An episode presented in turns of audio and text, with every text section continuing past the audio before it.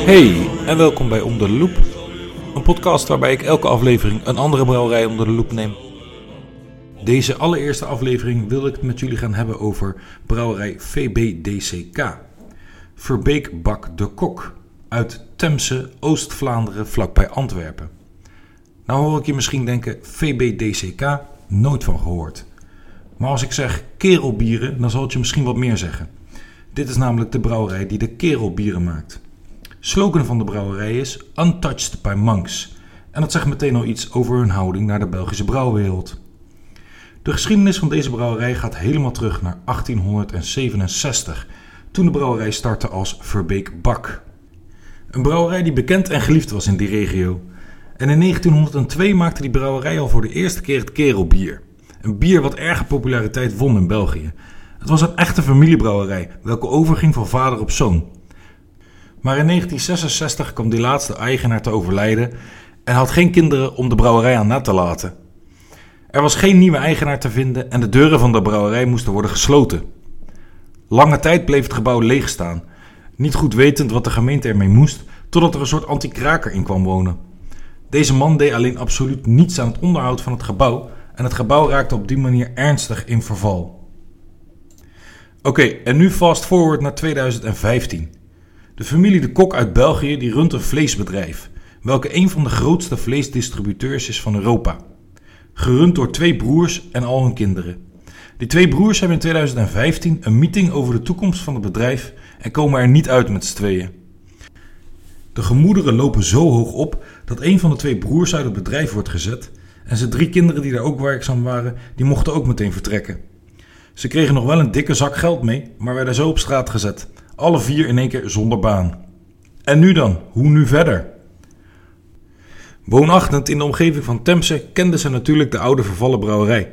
En toeval wilde dat die anti-kraker net overleden was en het gebouw dus weer vrij was gekomen. De zoon had in Amerika al een brouwcursus gevolgd en was druk in zijn garage al aan het hobbybrouwen. Die beslissing werd dus al gauw genomen. We gaan met z'n vieren een brouwerij starten.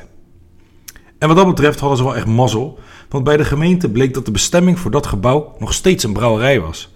In 1867, toen de brouwerij deuren open voor de eerste keer, had de gemeente een vergunning gegeven voor een brouwerij voor 200 jaar. Die vergunning was dus nog steeds in stand. Alle lichten stonden dus op groen om aan de slag te gaan. Alleen was het gebouw wat ze hadden gekocht nu echt een ruïne. Alleen de muren stonden nog een beetje overeind, maar het plafond lag eruit, de vloeren waren verrot en werkelijk alles moest worden aangepakt. Maar in de kelder deden ze echt een enorm bijzondere vondst. Daar lag namelijk nog één oude fles kerelbier van die oude brouwerij. Waarvan ze dachten dat dit voor altijd verloren was gegaan, kwamen ze nu dus nog één fles tegen. Hier moeten we wat mee doen, was de gedachte. En ze schakelden een team van wetenschappers in van de Universiteit Leuven. En gezamenlijk hebben ze onderzoek gedaan naar het DNA van de gist welke nog in die fles zat. Om op deze manier eenzelfde soort gist te kunnen gaan gebruiken in hun toekomstige eigen bieren. Ondertussen werd het gebouw flink onder handen genomen en werd er een Duitse brouwinstallatie geïnstalleerd. En boven die glimmende RVS-ketels kwam een grote discobol te hangen. Want ja, waarom niet hè? Als je verbouwing ruim 5 miljoen euro kost, waarom dan niet een discobol boven je RVS-ketels? Maar goed, in 2017 was het dan eindelijk zover. De brouwerij was klaar en de testbatches waren gebrouwen. Het was tijd voor de grote opening. Vrienden, familie, pers en dorpsgenoten kwamen er allemaal op af. In de tuin van de brouwerij stond de familie De Kok op een rijtje in het zwart gekleed, handjes te schudden naast een doodskist. En in die doodskist lag dat oude flesje kerelbier. Er werd een speech gehouden om de oude kerel te begraven. En vervolgens kwam met een grote kraan een ton uit de hemel zetten waar het nieuwe kerelbier in zat. Het oude kerelbier was dood. Leven het nieuwe kerelbier.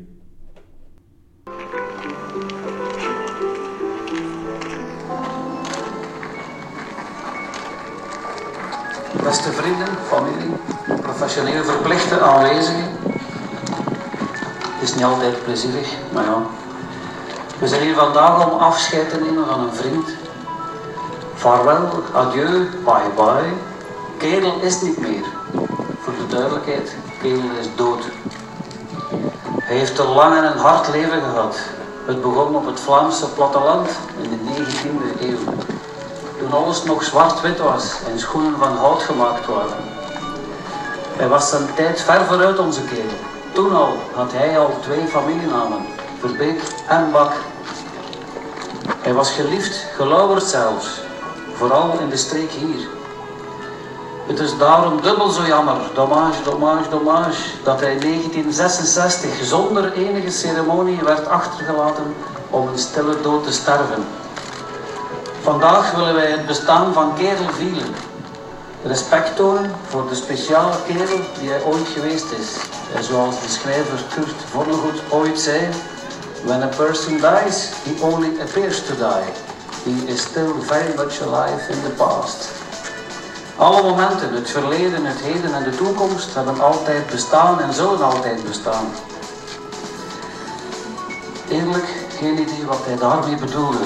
Maar het klinkt goed. En goed klinken op begrafenis dat is een van de pleziertjes die we elkaar altijd moeten gunnen. Trouwens, die schrijver had wel gelijk. Kerel is niet alleen dood, hij leeft ook verder. In het heden en in een glorieuze toekomst. Kerel is dood. Lang leven kerel. Iedere persoon uit het dorp kreeg een VBDCK-paspoort. En met het paspoort krijg je levenslang een korting van 35% op de kerelbieren en kun je uitgenodigd worden voor speciale events voor de paspoorthouders. Zo'n paspoort is dus ook te koop voor mensen buiten het dorp. Dat kost je dan 35 euro en je krijgt er diezelfde 35% korting mee en de andere privileges. Maar er is meer dan alleen die brouwerij. Zo zijn ze bezig op dit moment een bed and breakfast te openen ernaast. Deze bed and breakfast gaat 7 kamers krijgen en één kamer gaat zelfs in de brouwerij zich bevinden. Die kamer in de brouwerij zal het meest luxe worden, met een groot bad gemaakt van een oude brouwketel waar je een bubbelbad in kunt nemen met hopbellen. In de tuin van de bed and breakfast hebben ze Schaarbeekse krieken aangeplant. Dat zijn van die kleine zure kersen waar het bekende kriekenbier onder andere mee wordt gemaakt. Ook is er de mogelijkheid om een luchtballonvaart te maken in de officiële VBDCK luchtballon. Vader de Kok heeft namelijk zijn luchtballonbrevet. Op die ballon staat supergroot I can see your life from up here and it needs beer. Hoe gaaf is dat? Vooralsnog is het even afwachten wanneer de bed and breakfast precies open gaat. Ik heb even gekeken op hun site, maar kan op dit moment geen informatie vinden hierover. Maar het lijkt me in ieder geval ontzettend gaaf om eens een weekendje daar naartoe te gaan.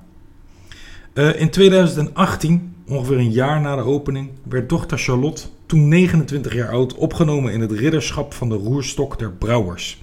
Een afstammeling van die eeuwenoude Belgische brouwersgilde. En in datzelfde jaar wonnen ze de award voor beste design op de World Beer Awards. Wat dat betreft is het ook een typisch design wat ze hebben. Veel tekst met her en der wat woorden doorgestreept zodat er een nieuwe tekst ontstaat. Het flesje waar het bier in zit is ook alles behalve standaard. Ze wilden absoluut niet gaan voor een type duvelflesje of voor een eh, standaard longneck, maar wilden hier ook echt wat anders doen. Het flesje waar ze op uitkwamen komt dan ook uit Canada en lijkt het meeste op een hoestsiroopfles. Valt in ieder geval wel op in de schappen. Op dit moment brouwen ze zo'n 5000 hectoliter per jaar en hebben ze 9 bieren in hun core range, waaronder een Saison, American IPA en een Stout. Op dit moment drink ik de Grapefruit IPA van ze. Dat is een IPA met 5% alcohol waar grapefruitpuree aan de wort is toegevoegd. Meestal wordt bij dit soort bieren het fruit pas helemaal aan het einde van het brouwproces toegevoegd. Uh, hier dus al bij de wort, zodat de suikers vanuit de puree nog mee vergist kunnen worden. Uh, dit resulteert in een uh, eh, IPA die behoorlijk bitter is en waarbij je de grapefruit behoorlijk in de smaak merkt. Hij is een beetje droog en wat ik al zei, goed bitter. Ik geniet nog eventjes door. Cheers en tot de volgende keer.